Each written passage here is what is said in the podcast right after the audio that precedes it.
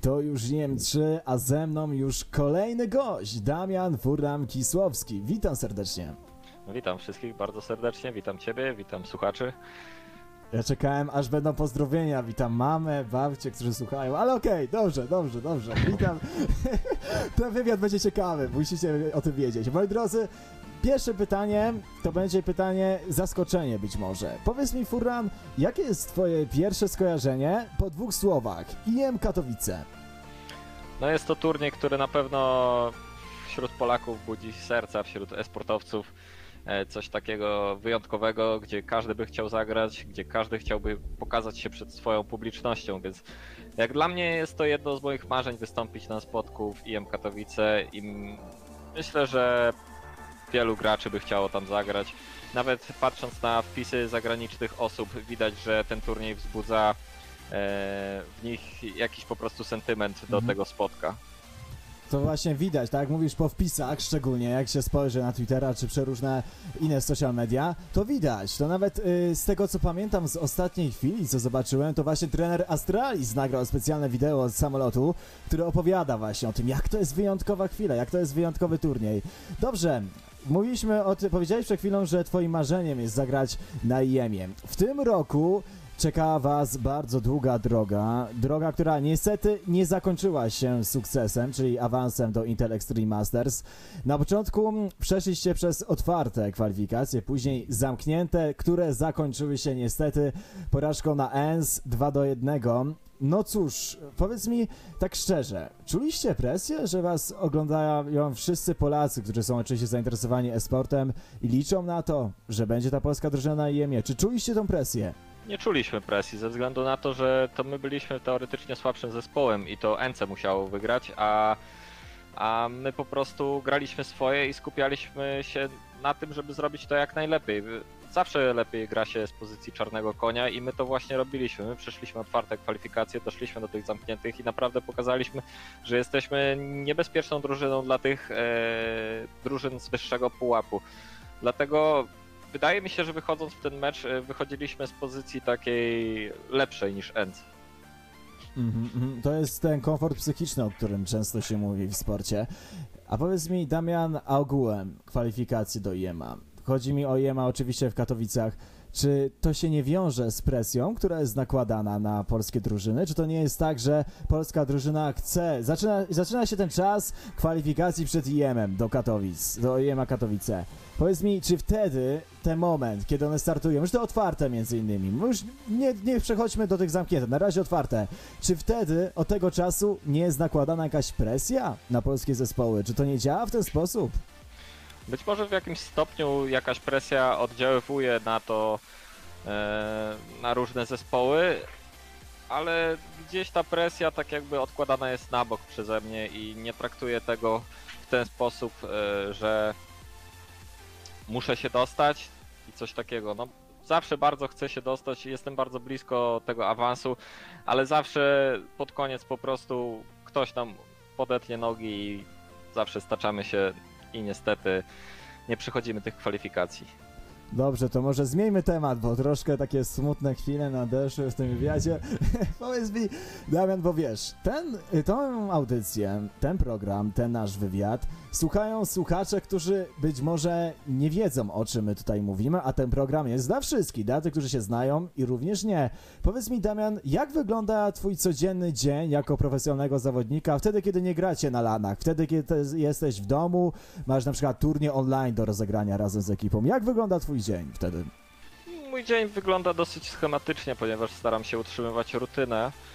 E, Nie zawsze to się udaje, bo wiadomo, są losowe okoliczności, ale tak w zwykłym dniu po prostu wstaję rano, godzina 8.30, 9, pobudka, spacerek z psem, przygotowanie posiłków praktycznie na cały dzień dla dwóch osób, jakaś siłownia co dwa dni wjeżdża, no i następ, potem wszystko się zrobi, już przychodzi czas treningu, jest godzina 14-15 i trenuję do wieczora, zależy ile mamy po prostu w harmonogramie do rozegrania spotkań.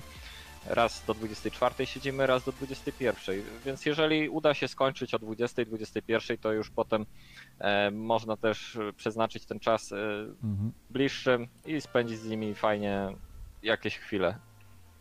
czyli powiedz mi tak średnio, ile trenujecie na dzień? Mm, Mój cały dzień jest dostosowany po prostu Counter-Strike'owi, e, a średnio trenujemy od 5 do 8-10 godzin. Różnie, to w zależności od tego, ile mamy po prostu do przerobienia. Dlatego to wszystko trener na bieżąco ustala. My praktycznie dostosowujemy się do planu, który ustalą trenerzy. No i po prostu tak leci. Czyli to jest tak po prostu, że dostajesz harmonogram, między innymi taki rozdział godzin do wytrenowania, że tak nazwę, kiedy trenujecie i po prostu układacie do tego swój dzień, tak? Tak, dokładnie. My staramy się praktycznie układać, e, trener stara się rozplanować to wszystko na cały tydzień, dzięki temu mamy w kalendarzu wszyscy udostępnione te wszystkie godziny, dzięki temu no, nam jest łatwiej zaplanować też dzień, tydzień.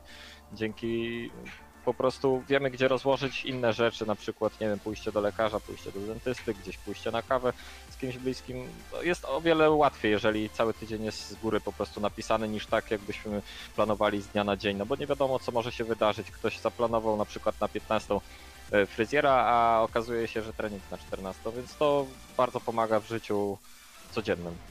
Czy to nie jest nic na dziko, tylko fajnie, dobrze poukładane w mądry sposób.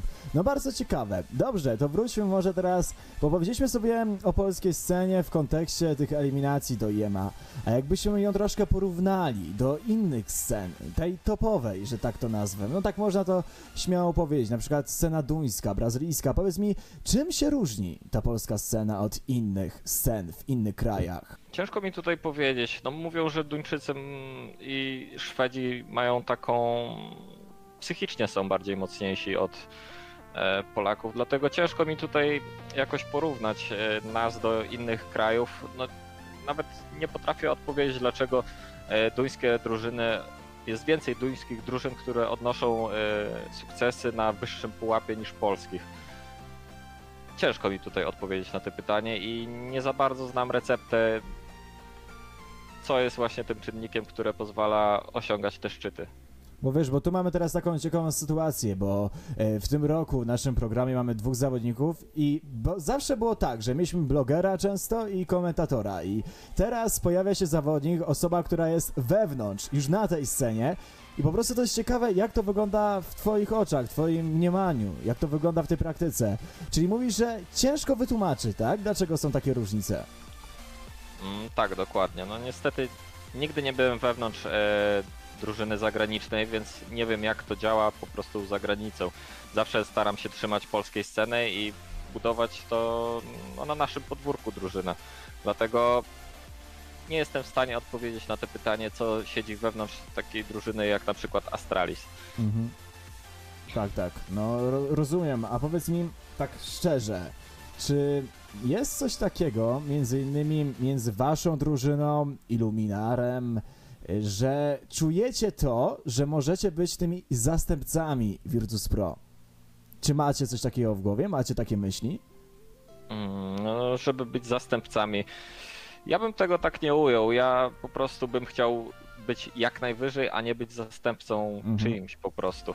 Chcielibyśmy osiągać jak najwięcej i po prostu na stale, gra, stale grać y, w- między tymi drużynami top 10, z top 20 i pokazywać się na największych turniejach. W tej chwili nam to się nie, nie udaje, jedynie e, pokazujemy się na turniejach o, o wiele niższych rangach, ale myślę, że ka- każda drużyna dąży do tego, żeby po prostu zajść na wyższy szczebel. Niestety, jak widać, żadna drużyna poza Virtus Pro nie znalazła tego, tej recepty takiej, co pozwoliłaby wywindować na dziś top 10 e, wszystkich drużyn na świecie. No, ja w swojej karierze najdalej, gdzie doszedłem, to razem z drużyną Team Penguin to było chyba 12 miejsce, ale niestety Mhm. nigdy nie udało mi się po prostu dołączyć do tej e, topowej dziesiątki. Ale nie rezygnuję z tego i cały czas prac, pracuję nad sobą oraz z drużyną pracujemy, aby być jak naj, najwięcej. Mam nadzieję, że po prostu ta praca popłaci. No, ciężka popraca zawsze popłaca, jak to mówią.